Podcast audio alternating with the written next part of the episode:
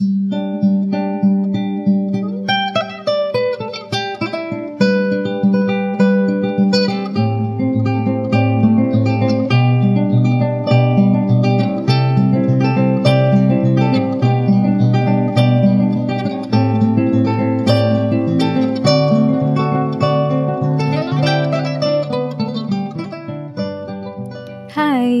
היי. אה, הבאות, או השבות, או השבים, לתעלה ותבוא. אני מאיה חציר. אה,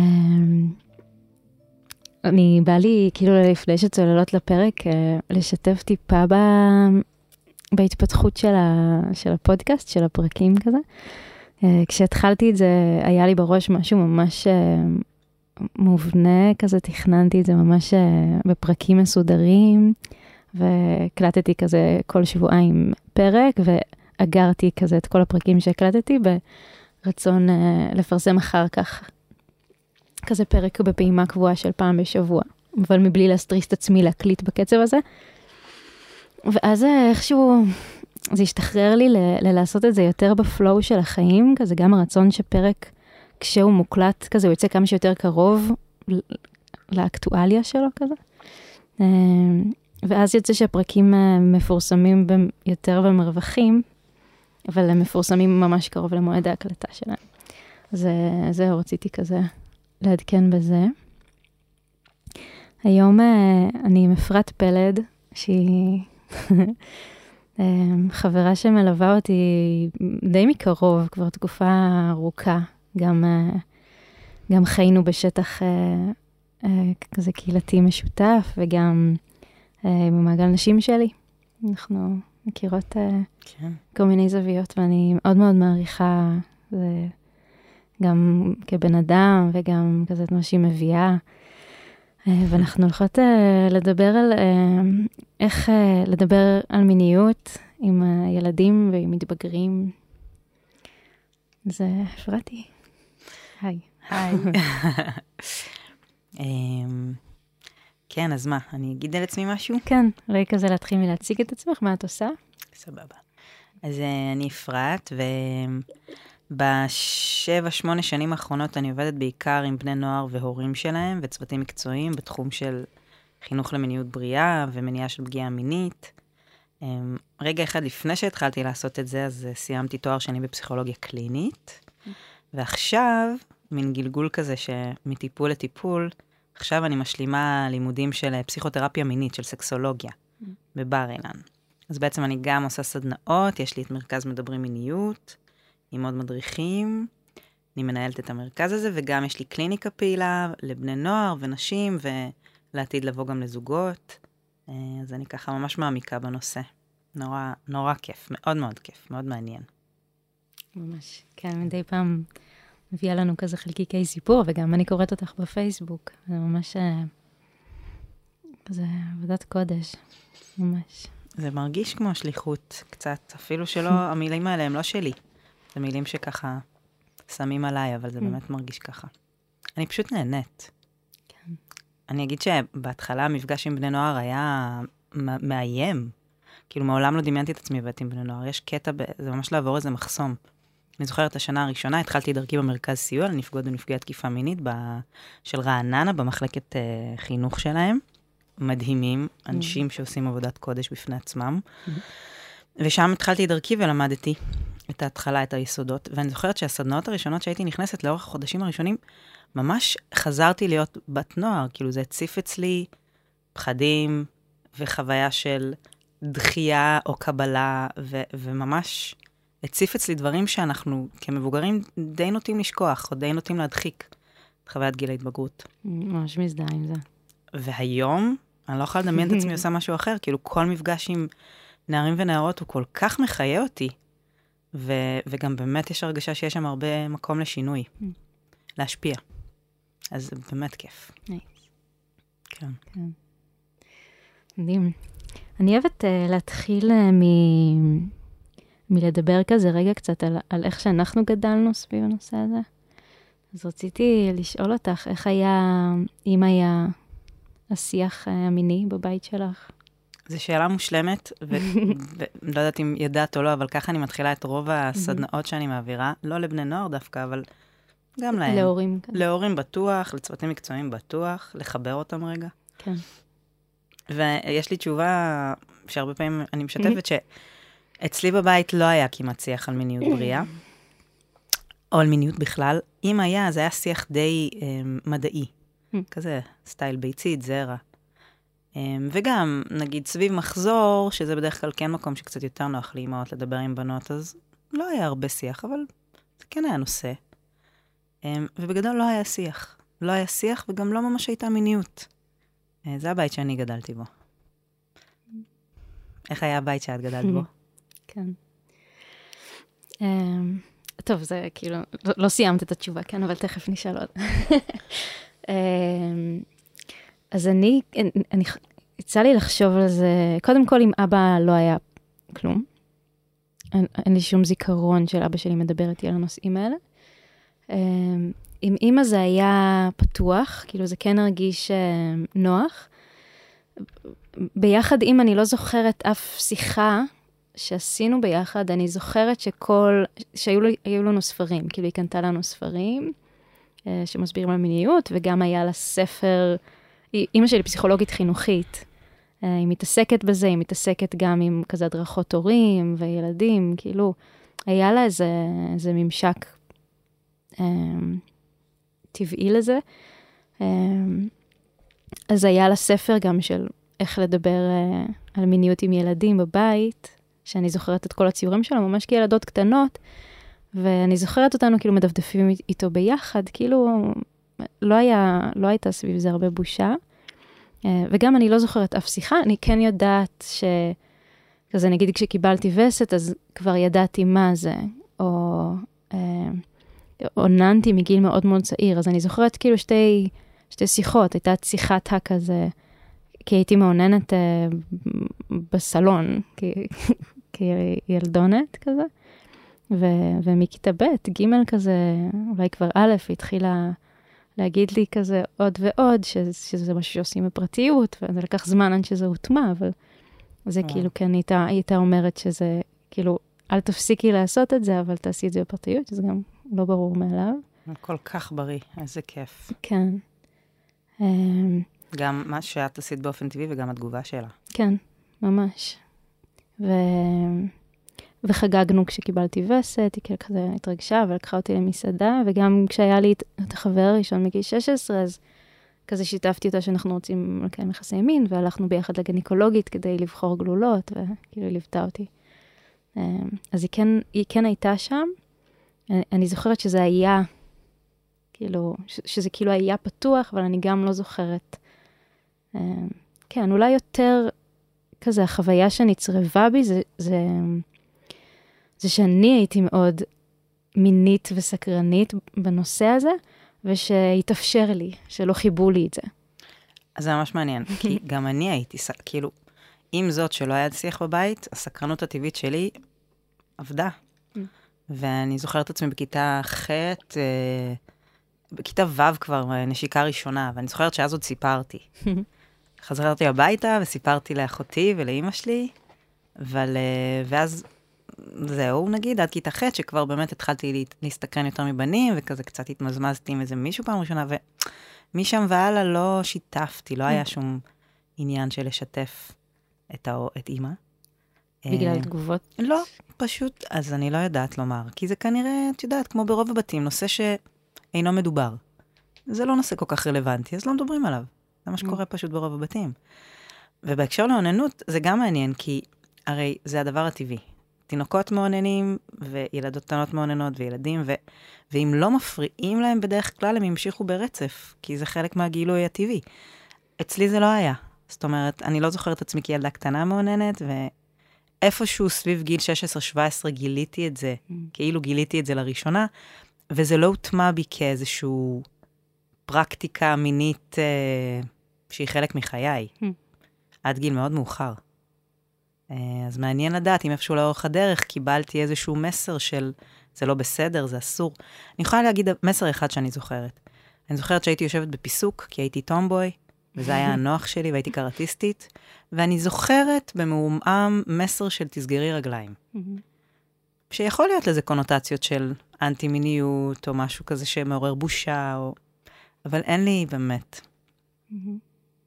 כן. כן. ועם זאת, גדלתי עם סקרנות בריאה, עם התפתחות בריאה, כאילו, ברוך השם. ומאיפה כן הגיע כזה ידע? כאילו, היית קוראת על זה, או חברות מדברות?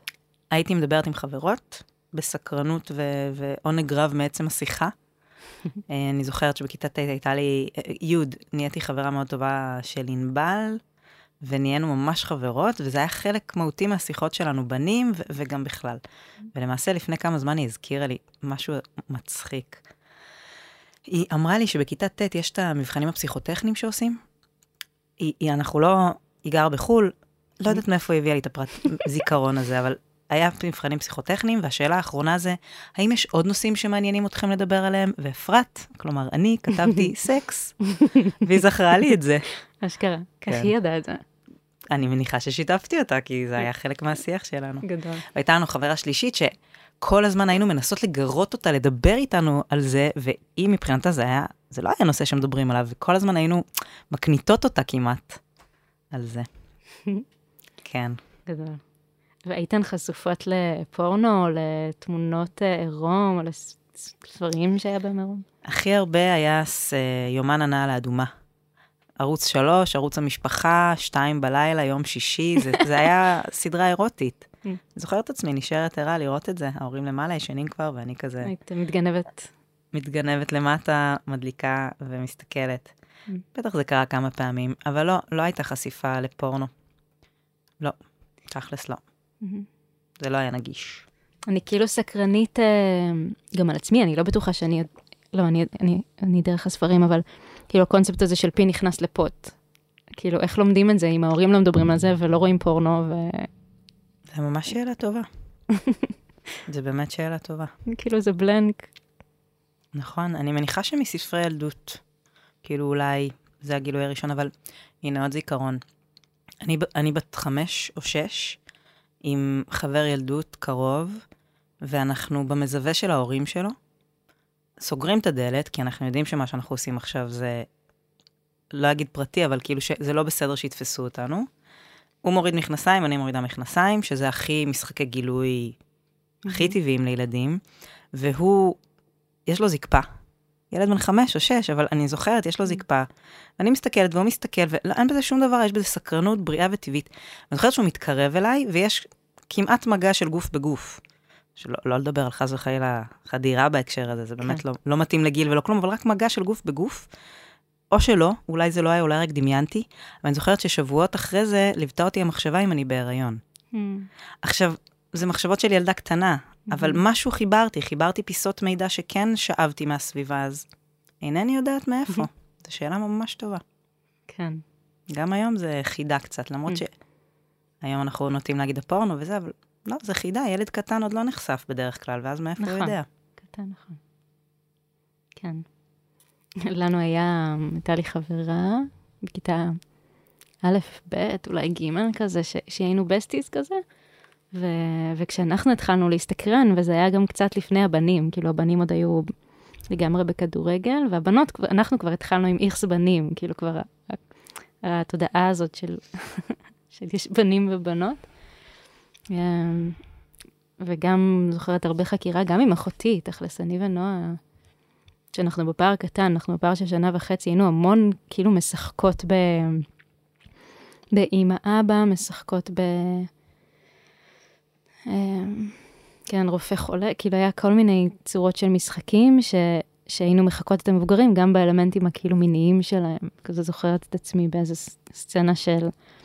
אה, שהייתי הרופא, והיא הייתה ב, כאילו בהיריון, שמנו לה כזה בובה מתחת לחולצה, ואז הייתי צריכה לילד אותה, אז כזה לשפוך עליה מים כדי שתזיע, ול, ולילד אותה, והיינו גם מתנשקות, עד שקלטנו שזה איכשהו גם, שזה לא, לא לעניין.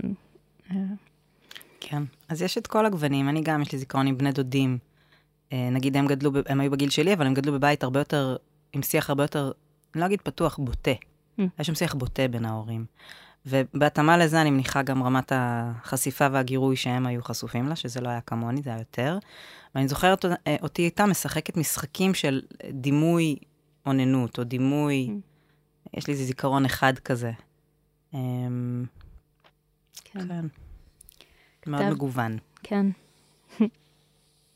כתבת אה, כזה פוסט, אולי הפוסט האחרון שלך, או לפני כמה ימים שיצא לי להתקל בו, על זה שכזה הדיבור על מיניות מתחיל בגילאים ממש ממש צעירים, ומתחיל עוד הרבה לפני שיחה ממש. אמ, אז זה גם, אה, זה גם מסקרן אותי ב, בסביבה שבה גדלנו, בבית שבה גדלנו. כלומר, כאילו השאלה הבאה הייתה כזה, האם היו אה, חום, קרבה, מגע, כאילו... בבית שבו אני גדלתי? כן, אולי גם תגידי כזה מה כתבת בפוסט. או... בטח. אז, אז מעולה, כי, כי באמת העבודה העיקרית שלי עם בני נוער, כי שם העבודה המילולית. כשאנחנו מדברים על ילדים יותר קטנים, יסודי ומטה, אז העבודה עם ההורים עדיין. כן. אמ, ובאמת, גם זה תחום שאני מתעסקת בו, והפוסט שכתבתי, הוא מרתק, קודם כל הוא תוצר של הלימודים שלי. Mm. באמת נפתח לי שם הראש להבנה שעוד הרבה לפני היכולות המילוליות שלנו, אנחנו סופגים זיכרונות שהם פיור, פיור דרך הגוף. ועכשיו יש לי בת uh, שנה ושבע בבית. היא כבר מתחילה להיות מילולית, אבל כל השנה ושבע האחרונות שלנו ביחד, um, עכשיו יש לי מין רפרנס לזה, מין, אני mm. מסתכלת על זה בדיעבד, על איך אני נוגעת בה, ו, ומה המשמעויות של איך אני נוגעת בה, כי בעצם, מה שמדובר זה שהמוח יודע לייצר זיכרונות פרה-מילוליים, והכל נטמע בגוף ובאור, ממש באור, בצורה ישירה. וזה נשאר כזיכרונות. עכשיו, אנחנו לא יודעים להתחקות אחריהם, כי אין לנו מילים לחשוב אותם, אבל כשאני נמצאת באינטימיות בתור בן אדם מבוגר, פתאום אני מוצאת עצמי נמשכת למגע מסוג מסוים ונדחית ממגע מסוג אחר. מה גורם לזה? אז התיאוריה שאומרת, שאומרת שבעצם זה הכל תלכידי זיכרון שחרוטים לנו בגוף, ומייצרים במידה רבה את, ה, את היכולת שלנו ליהנות, להתענג על מגע של אור, מגע של אור באור. באחד השיעורים האחרונים, ככה, דיברתי עם המורה, והיא שאלה משהו, היא דיברה על זה שיש אנשים שרק מזה שמלטפים אותם, משהו בהם מתחיל להתעורר מינית. לא, לאו דווקא עכשיו, כאילו זקפה וזה, אבל משהו מתעורר בהם. המגע, המגע מייצר איזה משהו, ויש אנשים שמגע הכי בסיסי של ליטוף של האור, מעורר בהם קיבוץ. כן. מאיפה התגובה האינסטינקטיבית הזאת? מהינקות, ממש מגיל אפס. Mm. ובבית שאני גדלתי בו, כנראה שהיה הרבה חום. וגם אני אגיד שברוב הבתים זה, זה, זה, זה, זה קל, כי תינוק בן יומו באמת מעודד אותך, כל ישותו היא כדי שאתה תיגע בו. תמשמש אותו, תיגע בו, ולזה האבולוציה הכינה אותו, לגרום לסביבה למשמש אותו. אמ, ועדיין, זה לא מובן מאליו, נכון. זה כנראה הבסיס הכי בריא. כן היה מגע בבית. בהחלט. גם עם אמא וגם עם אבא? אני מניחה שכן, וגם אחותי, שהיא גדולה ממני בהרבה שנים, והיא מאוד אימהית במהותה, וישר אימצה אותי אה, כחצי אחות, חצי בת. כן. אז גם שם היה המון מגע, ועד היום. אה, אז כן, אני חושבת שזה בטוח חלק מאוד בריא ב... בהתפתחות שלי. כן, כן, זה מעניין. אני כאילו חשבתי על ה... על התרבות של כזה, של להכריח לתת נשיקה לדודה, או לסבתא ולסבא, ו- ועל ה...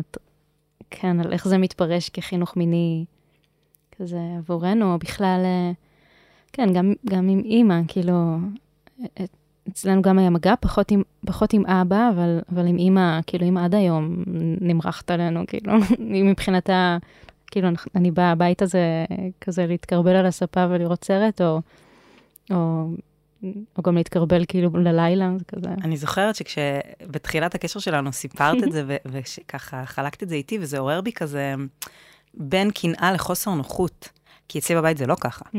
זאת אומרת, כתינוקת וילדה כן היה הרבה מגע, אבל איכשהו בבגרות זה, זה לא חלק מהיום-יום בהכרח. אין הרבה מגע חם של בגרות, ודווקא זה לקח לי שנים לחזור לזה או ללמוד את זה. אמ, כן, כן. נכון. דווקא עם אבא יש לי זיכרון, נגיד כף יד מלטפת לי את הפנים, זה כאילו, אני ממש מכירה את הכפות ידיים של אבא על הפנים, כי ברוב הפעמים היה משכיב אותי לישון, מקריא לי ספר, מלטף לי את הפנים, אז יש לי זיכרון ברור של כף יד מחוספסת למדי, מלטפת לי את הפנים. זה זיכרונות שהם מדהים. מוטמעים בגוף. כן. כן. ממש ככה. יש זיכרון של אבא עם מגע כזה, כאילו עם חיבוק צד כזה, שהוא כאילו מתוק, כזה משהו בלב שלו רגע נפתח, והוא כזה, את חמודה, אני אוהב אותך, כזה, ואז משחררים. זה לא יהיה חיבוק, כאילו, יהיה מגע, אבל לא יהיה ממושך. כאילו, עם אמא אפשר ממש... נכון, אה. וכל בית והנורמות שלו. כן. קשה להגיד נכון או לא נכון.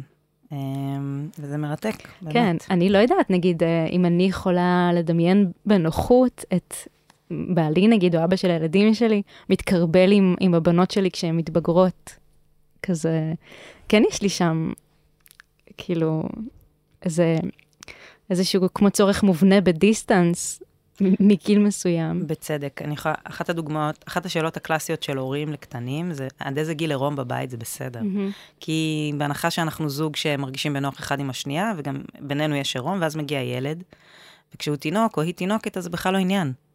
ו- אבל עד איזה גיל, וגם מי מקלח אותו, או אותה. האמא את הבת, האבא את הבת, עושים ביחד אמבטיה?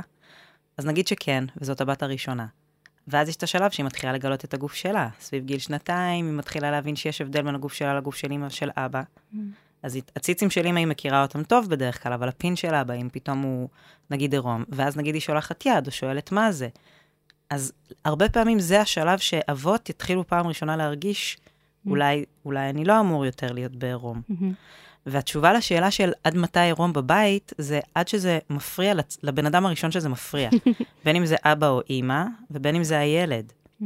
עכשיו, יש בתים שעד גיל ההתבגרות, בכלל לאף אחד זה לא מפריע, ויהיה עירום או עירום חלקי. אולי אבא מסתובב עם בוקסר, זה גם סוג של חצי עירום, ויש בתים שמתאים ולא.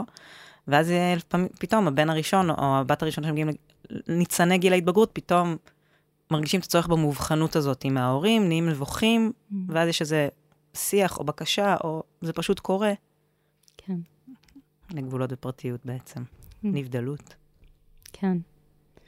זה ממש מעניין. כן. אצלנו לא היה עירום בכלל, אבל... כן, אני זוכרת... אה, גם אצלנו לא היה עירום בכלל. כן, לא היה עירום. אני גם, אני זוכרת איפשהו בגיל ההתבגרות אה, אומרת לאימא ואבא כזה, אתם יודעים, אתם אף פעם לא מתנשקים, אולי תתנשקו, ואז הם כזה התנשקו כדי להראות לנו שזה קורה. וואלה. וגם בגיל מאוחר יותר, מתי ששאלתי את אימא שלי אם הם עדיין שוכבים, הר- הרבה יותר מאוחר, 20 ומשהו כזה. היא אמרה לי, כן, ברור. כזה, זה, זה בכלל לא ברור, כאילו, ואת, כזה, קשה לי לראות, לדמיין את זה בדינמיקה ביניהם. זה בכלל לא ברור, ויתרה מכך, זה מחסום כבד לעבור אותו. לתפוס את ההורים שלנו כיצורים מיניים. עבור רוב החבר'ה, גם בגילאי העשרה המאוחרים, גם בגילאי העשרים המאוחרים, זה כמו מחשבה שקשה, כן, לא, לא רוצה לדעת. לא רוצה לדעת. לא רוצה לדעת. כן. כן. אז אני כן, אני כן רוצה לדעת, לא יודעת אם רוצה לראות את זה, אבל כן הייתי רוצה לדעת. אמ, כן, הייתה לי קודם שאלה. אני אגיד עוד משהו, זה גם, יש את ה... בהרבה בתים יש את הסיפור של הילד שתפס את ההורים מקיימים יחסי מהמם. מין, שזה הרבה פעמים נתפס כטראומה עבור הרבה ילדים, שזה גם נורא נורא מעניין, כאילו, למה שזה ייתפס כטראומה? נכון. זו שאלה טובה, למדנו על זה קצת אה, ככה בלימודים של הפסיכותרפיה המינית, זה נושא שהתעסקנו בו בכלל, הת- העניין הזה של מיניות מול ילדים. האם זה אה, מתאים או לא מתאים לקיים יחסי מין, ועד איזה גיל של הילד. זאת אומרת, אם הילד נוכח בחדר, אז בדרך כלל הדעה הרווחת היא שעדיף שלא, אבל כשהם תינוקות בני יומם, למה לא? אז איזה גיל כן, אז איפה עובר הגבול? ואז נגיד הם כבר קצת גדלים והם בחדר משלהם, אז רגע, רוצים לקיים יחסי מין, יש את הסיכון שהילד יתעורר, ירד מהמיטה, יבוא לחדר שלנו, ננעל את הדלת, לא ננעל את הדלת. עדיף שהוא יבוא ויראה דלת נעולה וילחץ, או עדיף שייכנס ויראה אותנו שוכבים, וגם רוב ההורים בכלל לא שואלים את השאלה הזאת, אלא יש איזה משהו בזרימה של המיניות שעוד לא הופרעה אף פעם על ידי ילד, ואז פתאום הפעם הראשונה שהילד תופס את ההורים. אמ, אז זאת שאלה בפני עצמה, איך מתמודדים עם זה. ואני כן יודעת שיש לא מעט סיפורים ששמעתי על חבר'ה שזה זכור אצלם, צרוב אצלם כחוויה טראומטית. ויש בזה משהו נכון, כי ילד שנחשף, תראי, זה משהו מרתק שלמדנו. כשאני נחשפת לתדר מיני, אני מגורה מינית נקודה. עכשיו, זה נכון אם אני בת שנתיים, וזה נכון אם אני בת שלושים. אם אני שומעת גניחה מאיזה חלון רנדומלי ברחוב בתל אביב, אני אומרת את זה כי זה היה נורא מביך אותי כשזה היה קורה לי. הייתי גרה בתל אביב, הייתי שומעת פתאום איזה גניחות מאיזה חלון, הייתי ממש מובכת, ובדיעבד אני מבינה שמה שחוויתי זה מין עוררות מינית, ולא ידעתי מה לעשות עם עצמי באותו רגע, בתור מבוגרת צעירה, כאילו, young adult. אז אותו דבר, מה שמרתק היה ללמוד זה שאותו דבר קורה לילדים בני שנתיים או שלוש, כאילו, הם יכולים לראות image או לשמוע צליל, הם לא מבינים מה זה מיניות, אבל זה מפעיל אצלם את המנגנון הפרימיטיבי במוח שמגורה מינית. לא באותה צורה כמו מבוגר, אבל כן. יש שם את הפרגמנטים של המיניות הזאת.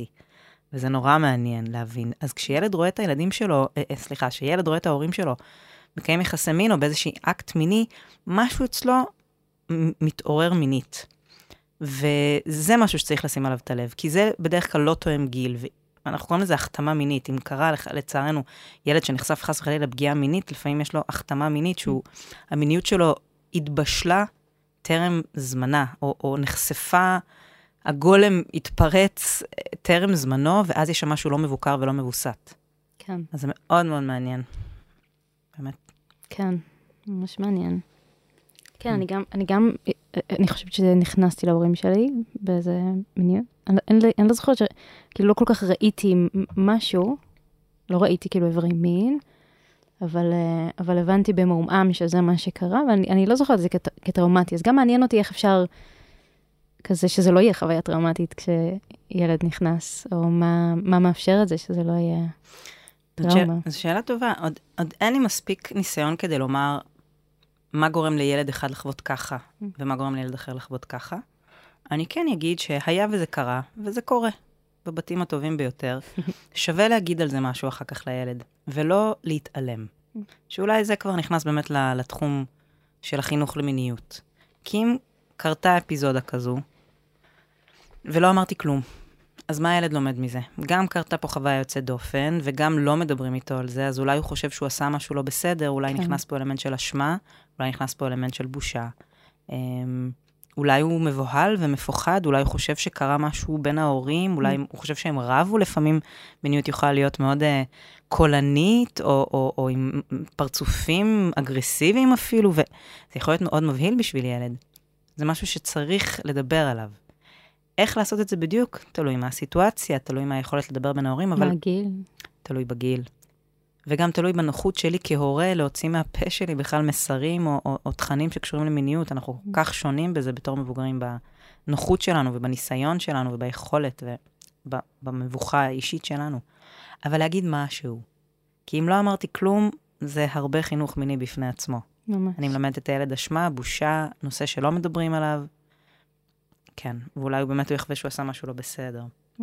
אז פשוט להגיד משהו, להתייחס לזה, להגיד לו שהוא בסדר, שהכל בסדר, שההורים אוהבים, שההורים אוהבים אותו, שהוא נחשף למשהו שלא מתאים לגיל שלו עכשיו, ו... ו... ואם יש לו שאלות, או אם הוא רוצה להגיד משהו, ושאימא פה איתו, או אבא, ואנחנו לא כועסים עליו בשום צורה, נגיד זה מסר נורא חשוב להעביר לילד בסיטואציה כזאת. אני לא כועסת עליך, אני אוהבת אותך, מה שראית זה לא כל כך מתאים לגילך, זה משהו שמבוגרים שאוהבים אחד את השני עושים, ויום אחד שתהיה גדול, אז אולי גם אתה, אבל כרגע זה עוד לא כזה. כן. בלי, וגם אני אגיד על זה משהו, בלי יותר מדי הסברים, בלי יותר מדי תיאורים, בלי יותר מדי ידע.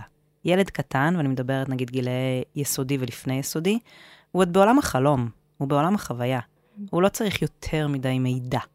הוא צריך לדעת שהוא אהוב ועטוף, ושהוא לא עשה שום דבר לא בסדר, ושמה שהוא ראה יכול להיכנס להיות חלק מחוויית החיים שהוא מחליק אותה וממשיך הלאה, ואין שם איזה שבר דרמטי. כן. בעיקר להרגיש מוכל. כן. וואי, כל כך צללתי איתך, אני לא יודעת מה. אין לך מושג איפה... כן.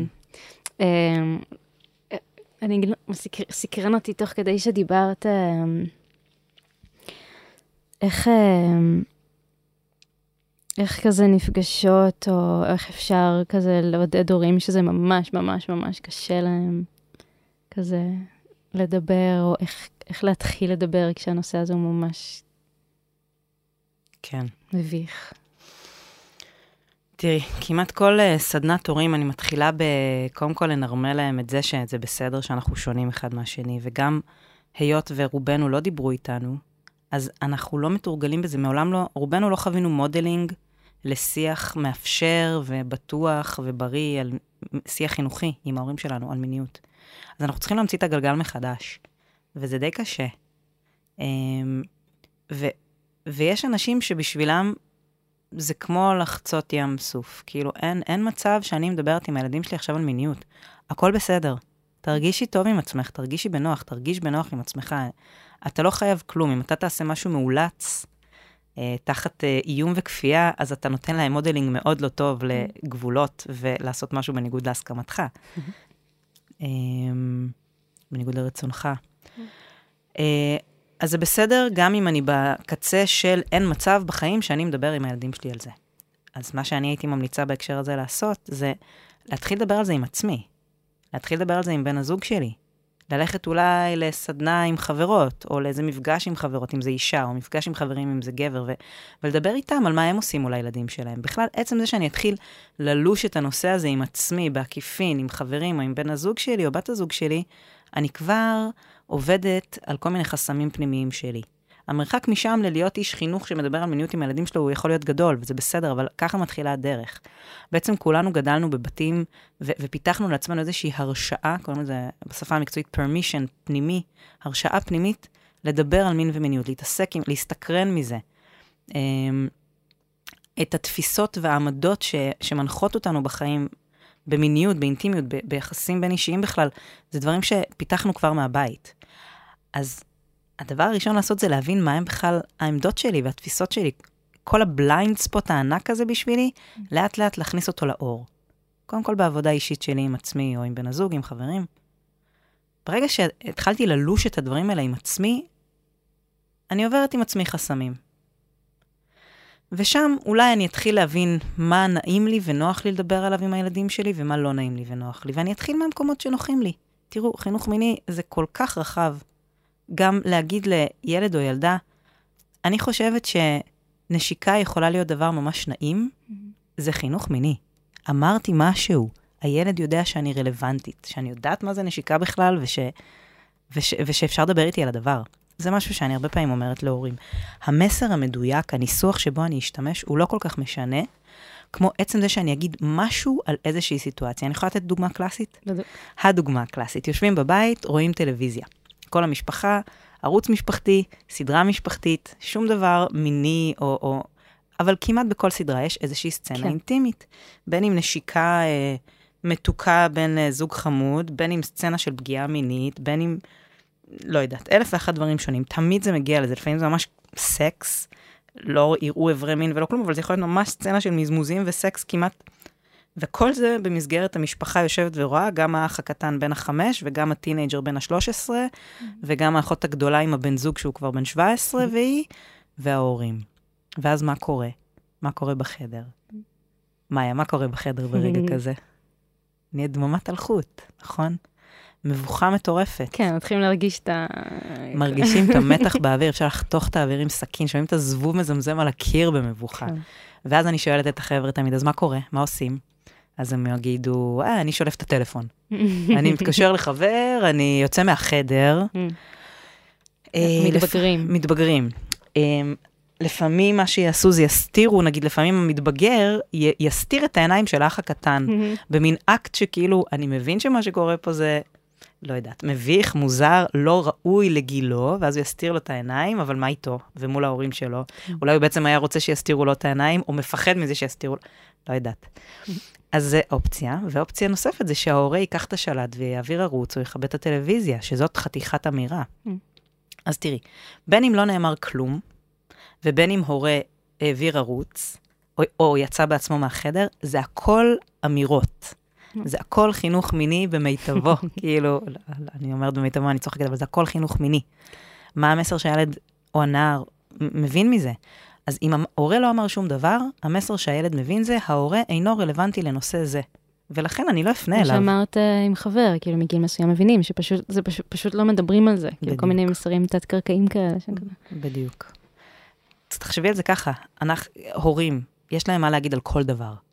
על מה שרואים בטלוויזיה, על מה שעובר ברחוב, על מה שקורה בבית, על מה שהילד אוכל, על מה שהוא שותה, על מה שהוא לובש, על מה שהוא, על החוגים שלו, על הבית ספר, ואז הם משתתקים. על אלימות, על הכל יש להם מה להגיד, אבל על מין לא. על סצנה של נשיקה בטלוויזיה, ההורה לא אומר כלום, לא פוצה פה, ואף פעם, לאורך כאילו מספר שנים של כן. סיטואציות כאלה הולכות וקורות, זה חינוך מיני. אז הילד לומד, א', מיניות זה לא דבר שמדברים עליו, בטח לא בתוך המשפחה, בטח לא עם ההורים. יכול להיות שהוא לומד מבוכה ובושה סביב הדבר הזה, יכול להיות שהוא לומד, אולי גם הוא לומד שזה דבר אינטימי, ולכן כל אחד לעצמו, אני לא יודעת, כל ילד כבר מפנים מזה את הדברים שה, שהאישיות שלו סופגת, אבל, אבל זה מסרים.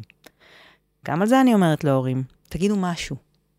ת, שהילד ידע שאתם נוכחים איתו בתוך הסיטואציה, ראיתם איתו את אותו דבר, לא התעלמתם, אתם רלוונטיים. זה נושא שהוא גם קשור אליכם. אפשר להגדיל ולהגיד אה, משהו, בס... לא יודעת, להתייחס לסיטואציה באיזושהי צורה, ואז להגיד לילד, ותדע שאתה תמיד יכול לבוא לדבר איתי על זה. וזהו, לא לחפור. אנחנו בימינו לא מדברים על השיחה. אין לעשות את השיחה. הורה שבגיל 16 נזכר לעשות לבן שלו את השיחה, לומד מהר מאוד שהילד שלו יודע הרבה יותר מההורה עצמו, וכבר מזמן מזמן יודע דברים שההורה רוצה לספר לילד. זה לא עובד ככה. אנחנו מטפטפים מגיל אפס, מייצרים ערוץ פתוח לתקשורת, דלת פתוחה, דרך מסרים של אני פה, אפשר לדבר איתי. ראיתי ביחד איתך שהייתה סצנה אינטימית בטלוויזיה, הלכנו ברחוב, ראינו זוג מחזיק ידיים, ראיתי את זה ביחד איתך, אני אומר על זה משהו. איזה מתיקות. או וואלה, אני רואה ש... לא יודעת. טוב, אלף מסרים יכולים להיות. זוג עם פער גילאים נורא גדול, כי אם אני יכולה... הומואים. זוג הומואים למשל, אז, אז זה הכל מסרים של הכלה. ראיתי הומואים והתייחסתי, יש פה מסר של הכלה. ראיתי זוג הולך ברחוב מתנשק והתייחסתי, יש פה איזה מסר של הכלה. יכול להיות שראיתי... אישה בהיריון. אישה כן. בהיריון. יכול להיות שראיתי, שראינו גם סיטואציה בחדשות, למשל, של, שמענו על פגיעה מינית, Mm. נכון? מורה ותלמידות. Mm. אם אני לא אומרת כלום, הילדה שלי לא לומדת כלום, הילד שלי לא לומד כלום, אבל אם אני אומרת משהו, התייחסתי לסיטואציה, גיניתי, גיניתי אותה, או, או התייחסתי עניינית, אמרתי, זה מאוד לא מתאים כי יש פה יחסי סמכות. אז הילד כבר למד ממני משהו. כל זה, חינוך מיני, להגיד, לזרוק משפט, שניים, לש... אפשר אפילו לשאול שאלה פתוחה את הילד, שמעת על זה? חשבת על זה משהו? זהו, זה חינוך מיני, זה ההתחלה, זה הבסיס. כן. בלי שיחות עומק, בלי הסברים מפוצצים, בלי... אה... זו התחלה מעולה. כן. אני מאוד אוהבת את, ה... את הקצת כל פעם, ו... וגם את זה ש... כאילו פוגשת את זה בהרבה תחומים, סתם כי הכל קשור, אבל את זה שזה, שזה מגיע, anyway, זה יגיע. אתה צריך להביא את זה דרמטית בכוונה. יגיע פחד, יגיע פגיעה, יגיע חברה מאפנה, יגיע, הכל יגיע, הכל קורה. יגיע דימוי גוף, פרסומות, כן. הכל. המיניות היא בכל מקום. פשוט כזה לא, לא להשתתק ולא להדחיק, כזה לתת לזה לבוא. צריך להבין שמוח של ילדים הוא ספוג. אנחנו הולכים עם הילדים בקניון או ברחוב, אנחנו טרודים בחשבונות וב... לא יודעת, בתוכניות שיש לי להמשיך וארוחת ערב שאני צריכה להכין. הילד סופג את, את מה שקורה ברחוב, מה שקורה בקניון, מה שקורה בטלוויזיה, סופג כמו ספוג, פשוט ככה, ושום דבר לא עובר לידו. לא הכרזה של הדוגמנית החצי ערומה, ולא הזוג שהלך עכשיו והתמזמז לידו, ולא... הכל, הכל נספג. אם אני לא אפתח עיניים ויבין מה הוא רואה בהקשר הספציפי הזה של הסיטואציות המיניות מסביבנו, אז אני, שוב, אני לא רלוונטית. כן. כן. יש משהו שמפחיד אותך, או שאת חוששת לקראתו, עם כזה, עם, עם, עם, עם הבת הקטנה, או כזה, להתבגרות מינית? תראי. פעם הייתי בהרצאה של מישהי מאוד מעניינת, שעושה שיחות על פגיעות מיניות. Mm. והיא אמרה משפט שהפיל אותי מהכיסא. Mm. היא אמרה, השאלה היא לא אם הבת שלך תעבור פגיעה מינית, השאלה היא מתי היא תעבור פגיעה מינית. וואי וואי. ואני זוכרת שכשהיא אמרה את זה, זה עורר בי כל כך הרבה התנגדות, אני רציתי, כאילו, לא יודעת מה לעשות. Mm. אבל הלכתי עם זה הביתה, זה היה שנים אחורה, עוד הרבה לפני שהייתה לי ילדה, וזה נחרט בי. כאילו, אנחנו חיות בעולם שבו הסבירות שנערה תעבור איזושהי הטרדה, ברור, הטרדה כולם עוברות, כולם עוברים גם. אנחנו חיים בעולם מאוד מטריד. אבל הסבירות שהיא תח, תחווה איזושהי חציית גבולות שקשורה למיניות היא נורא גדולה. באמת, היא מאוד גבוהה. והשאלה היא לא האם, השאלה היא איך היא תתמודד עם זה. מה הכלים שאני אתן לה לאורך הדרך. אמ, אז כן, הייתי רוצה לשמור אותה מכל רע, מכל פגע, תמיד, ואני יודעת שאני לא יכולה. אמ, ולכן אני אצטרך לצייד אותה בכלים הכי טובים, ולהבטיח עד כמה שאני יכולה את זה שהיא תבוא לדבר איתי, אם וחס וחלילה משהו יחצה את גבולותיה, שהיא תדע תמיד שיש לה עם מי לדבר. אז, אז מה הם הכלים האלה שאת רוצה לתת לה? קודם כל, להיות קשובה לעצמה, אה, לגוף שלה, מה נעים ומה לא נעים. זה משהו שאני הרבה מלמדת בנות אה, בבית ספר, איך אני יודעת שאני לא רוצה משהו?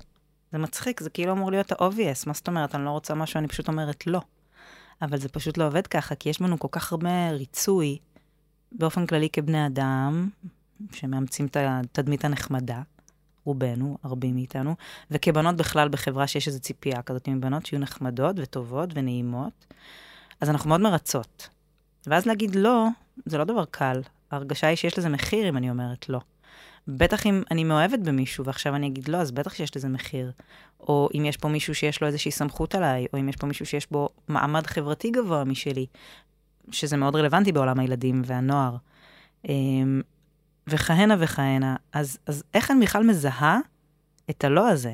אז החוויה היא גופנית. אני, אני מעבירה להם את המסר שאני רוצה רגע לבדוק מה קורה לי בבטן. אם, התכו... אם הרגשתי קיבוץ בבטן, mm, משהו לא לגמרי עובד. אם הגרון שלי רגע נחנק, משהו לא לגמרי עובד. אם השרירים שלי אה, אה, פתאום קפאו, משהו לא לגמרי. אם הראש שלי פתאום מאט את uh, מהלכו, אם איבדתי את המילה... או מאיץ, או כזה. או מאיץ דווקא, יפה, נכון, לגמרי. אז להיות קשובה לגוף, מה קורה לי בגוף, מה קורה בנשימה, ומתוך זה לדעת האם מתאים לי או לא מתאים לי. אז זה השלב הראשון, בכלל לדעת איפה הגבול שלי עובר, נכון? אני חושבת שזה הכלי הכי חזק. ואז לתת את הלגיטימציה להגיד לו. את יודעת, נתת קודם את הדוגמה ל- לתת נשיקה לדוד, שזו דוגמה קלאסית לעבוד עם ילדים, ובכלל להיות מודעים לזה. אנחנו כהורים, הרי הרבה פעמים הורה, אה, דוד מגיע או הסבתא, והילדה לא רוצה עכשיו לתת נשיקה. באופן ספונטני, לא קרה שום דבר, אין שם שום דבר מאיים, לא בא לה. ואז האמא אומרת לה, זה לא יפה, את פוגעת ב... זה, סבתא תיפגע. אז פה נגיד צריך להיות בתשומת לב לזה. לא, זה לא נכון. זה בסדר גמור אם עכשיו לא בא לך לתת נשיקה. לתת מקום ללא הזה, לתת לו תוקף, שהיא תדע שללא שלה יש משמעות. אני אתן עוד דוגמה. למשל, משחקים משחק דגדוגים עם, ה, עם הילד הקטן. וזה יכול להיות ילד בן שנה וחצי או שנה, וזה יכול להיות ילד בן ארבע או חמש, ומשחק דגדוגים ונשפכים על הרצפה, ואת רואה שהילד ממש נהנה, ו... ואז הילד מתחיל להגיד, לא, לא, די, די, אבל הוא עדיין נשפך מצחוק והוא רוצה שתמשיכי. כשהוא אומר לא, די, להפסיק. כי אז הוא ילמד שללא שלו ולדי שלו יש משמעות, ויש לזה מקום, כן. לשימת גבולות. שאם הוא רוצה שימשיכו, אז תגיד, תמשיכו. בדיוק. עוד. בדיוק. להבין שלא זה לא, ואם Mm. אני רוצה המשכיות, אז אני אומר כן. Mm. שזה גם מסר מדהים. מאוד חשוב לבני נוער. נכון? כי להגיד לא זה צד אחד של המטבע, ולהגיד כן, אני רוצה ממש. עוד נעים לי, כן, אני רוצה עוד תמשיכי בבקשה, או תמשיך בבקשה, יש לזה הרבה כוח. וזה גם משהו שלא מאוד מקובל היום. נכון. אנחנו מדברים, אחד הנושאים הכי חשובים, הכותרת הכי משמעותית מבחינתי זה תרבות ההסכמה.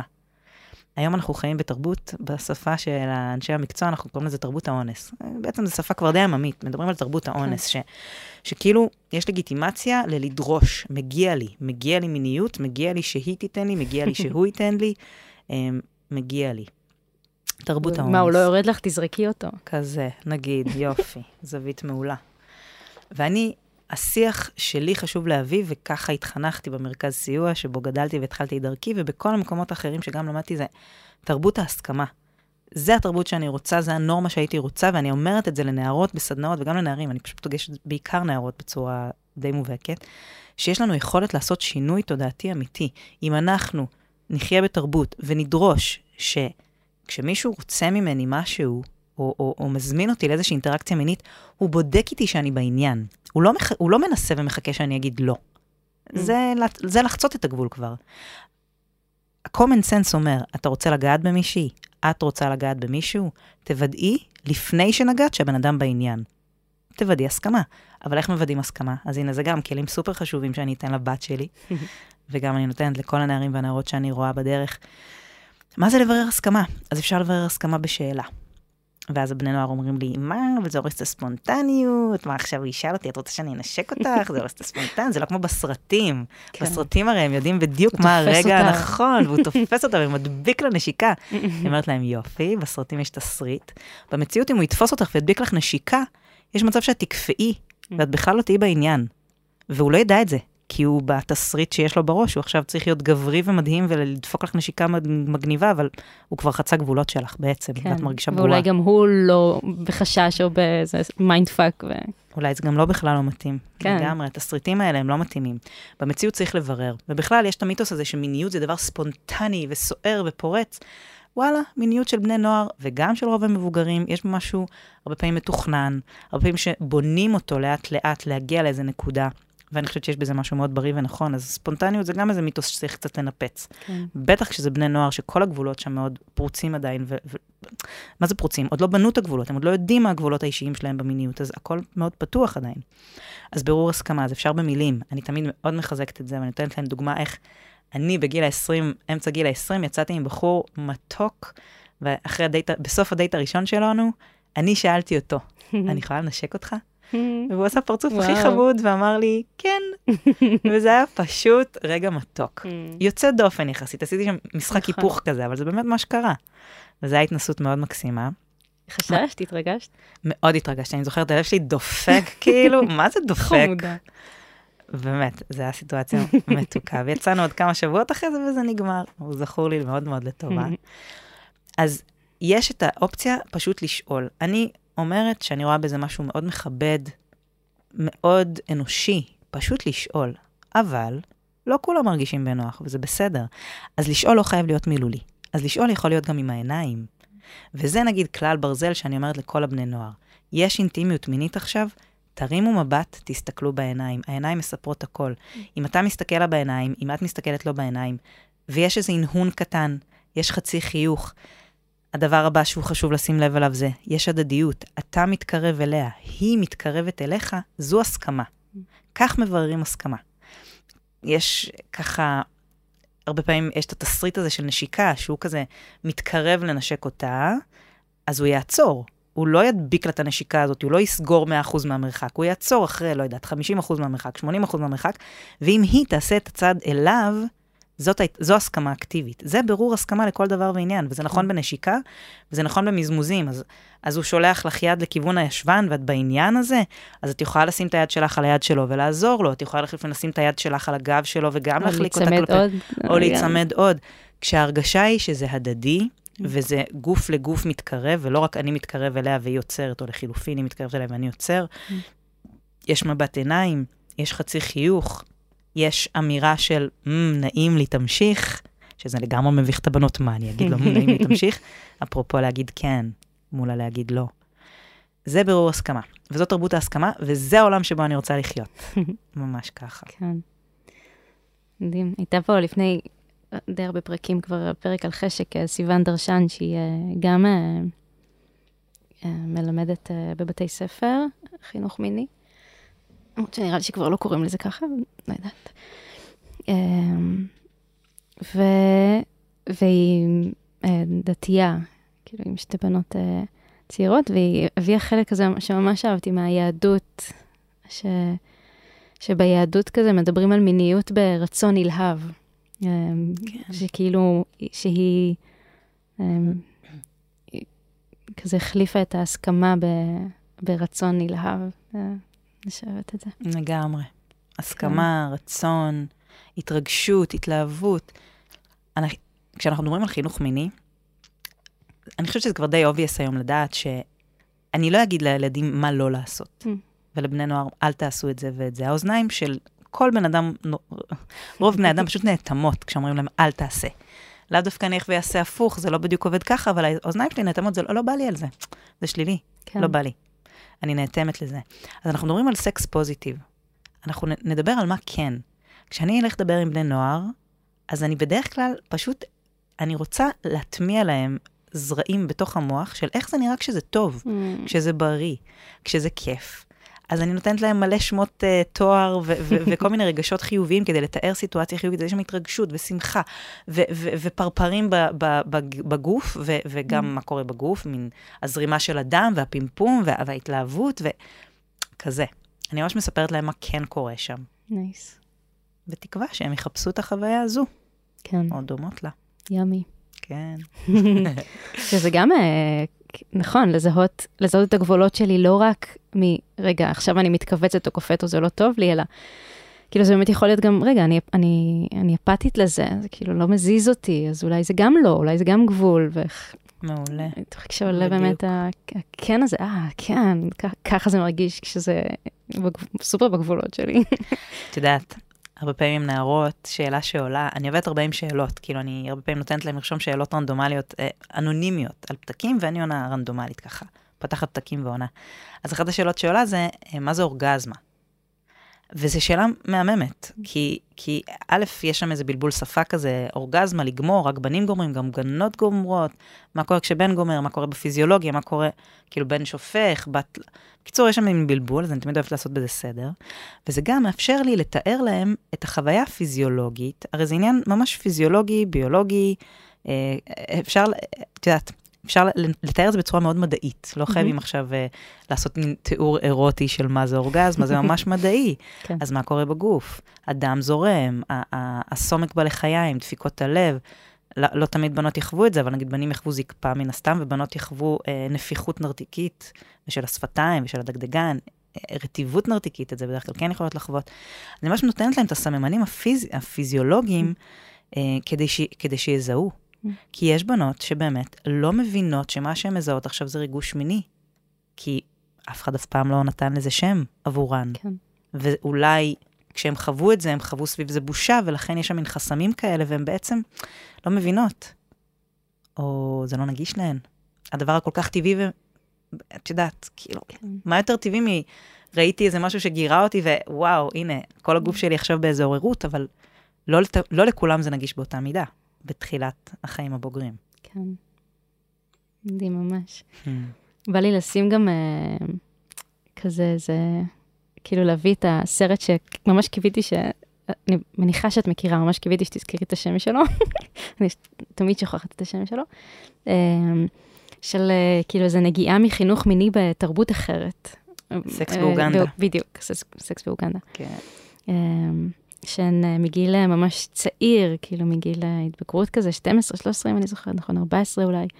ה hangouts שלהם זה, זה לשבת ביחד ו, ולמשוך אחת לשנייה את השפתיים של הפוט, השפתיים הפנימיות של הפוט, כי הן מאמינות שזה כזה מאפשר עונג אה, יותר במיניות, ועל הקשר של הסבתות, כאילו שהסבתות לוקחות את התפקיד של כזה ללמד נשים איך, איך לענג את הגבר שלהם, ואיך ליהנות מסקס, ואיך להגיע לאורגזמות, ושזה כאילו מין ממש פתוח מגיל ממש צעיר. נכון. אה, חוצה דורות, כאילו... נכון, זה היה דוקו בערוץ 8 בזמנו, ממש קראו לו סקס באוגנדה, כמו שאמרת, זה היה פרק על אוגנדה מתוך כמה תרבויות שונות. אני, אני לא יודעת אם, את יודעת, זה קוריוז, כן? זה משהו נורא פיקנטי ונורא מגניב. אני לא יודעת בכמה תרבויות זה באמת קיים, אבל את יודעת, כהשראה. זה פשוט מדהים. זה גם, מעבר לזה, זה גם תרבות שבה ככל שהשפתיים הפנימיות של הפוט יותר ארוכות וחושני, ולאשס כאלה, כזה, כן. נפוחות. אז זה נחשב יותר סקסי.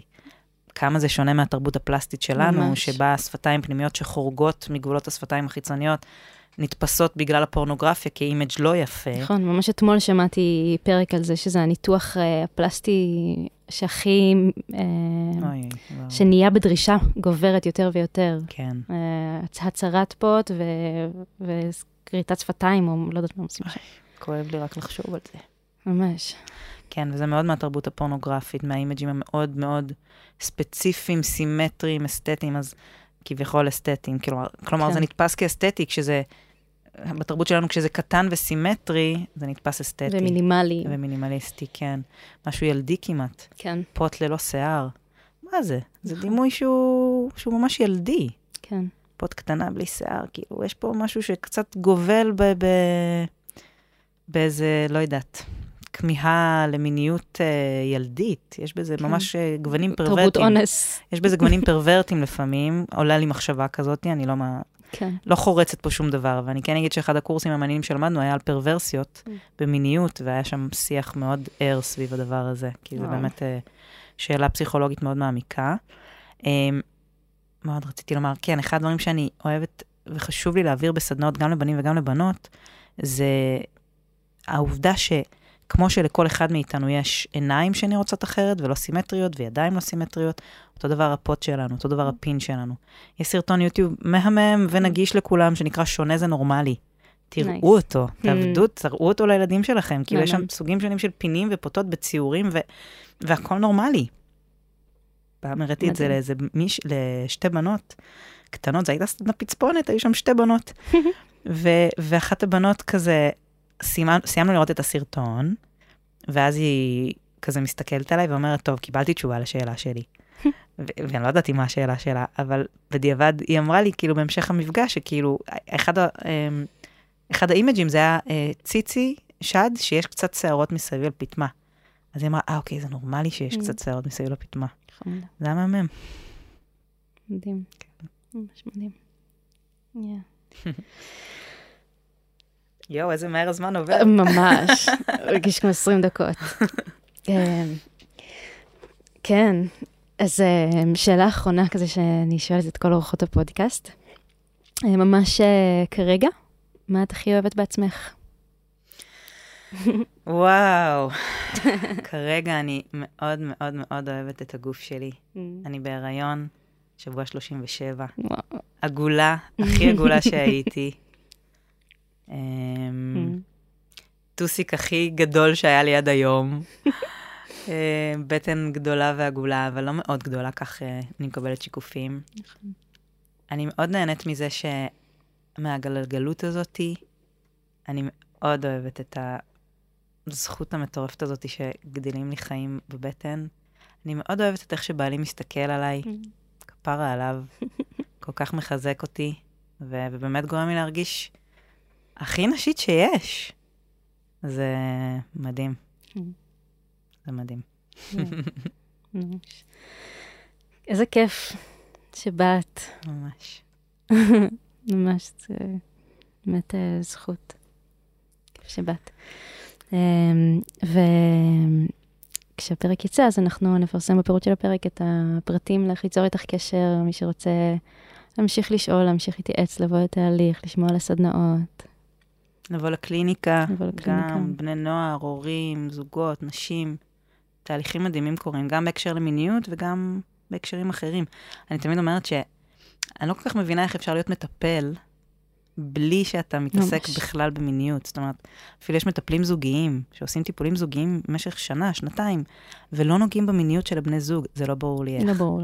כאילו, אני ממש רואה איך זה נושא אינטגרלי מכל מפגש טיפולי בכל קליניקה. ממש, היום ככה אני רואה את זה. לגמרי. כן. יא, אז תודה. אמ, ועוד אה, פרטים שאני רוצה לשים בסוף הפרק זה להרים לדור בן לולו, שהוא מנגן אה, כבר, אה, כבר כמה פרקים, הוא מלווה את הפתיחה והכניסה, כל המוזיקה המתוקה שנהייתה גם השעון המעורר שלי. אה, זה דור בן לולו מנגן, והוא אה, שהוא חבר יקר כבר כמה שנים טובות, והוא הוציא דיסק שמופיע בספוטיפיי וביוטיוב, אז אני אשים גם את הקישור של זה. מוזמנות אה, גם אה, לשאול שאלות, אה, אם עלה לכם משהו, ולשתף איפה זה פוגש אתכם, ולשתף חברות ו- והורות, אימהות ואבות, שיכול להיות להם רלוונטי. אה, נתראה בפרק הבא. תודה, מאיה.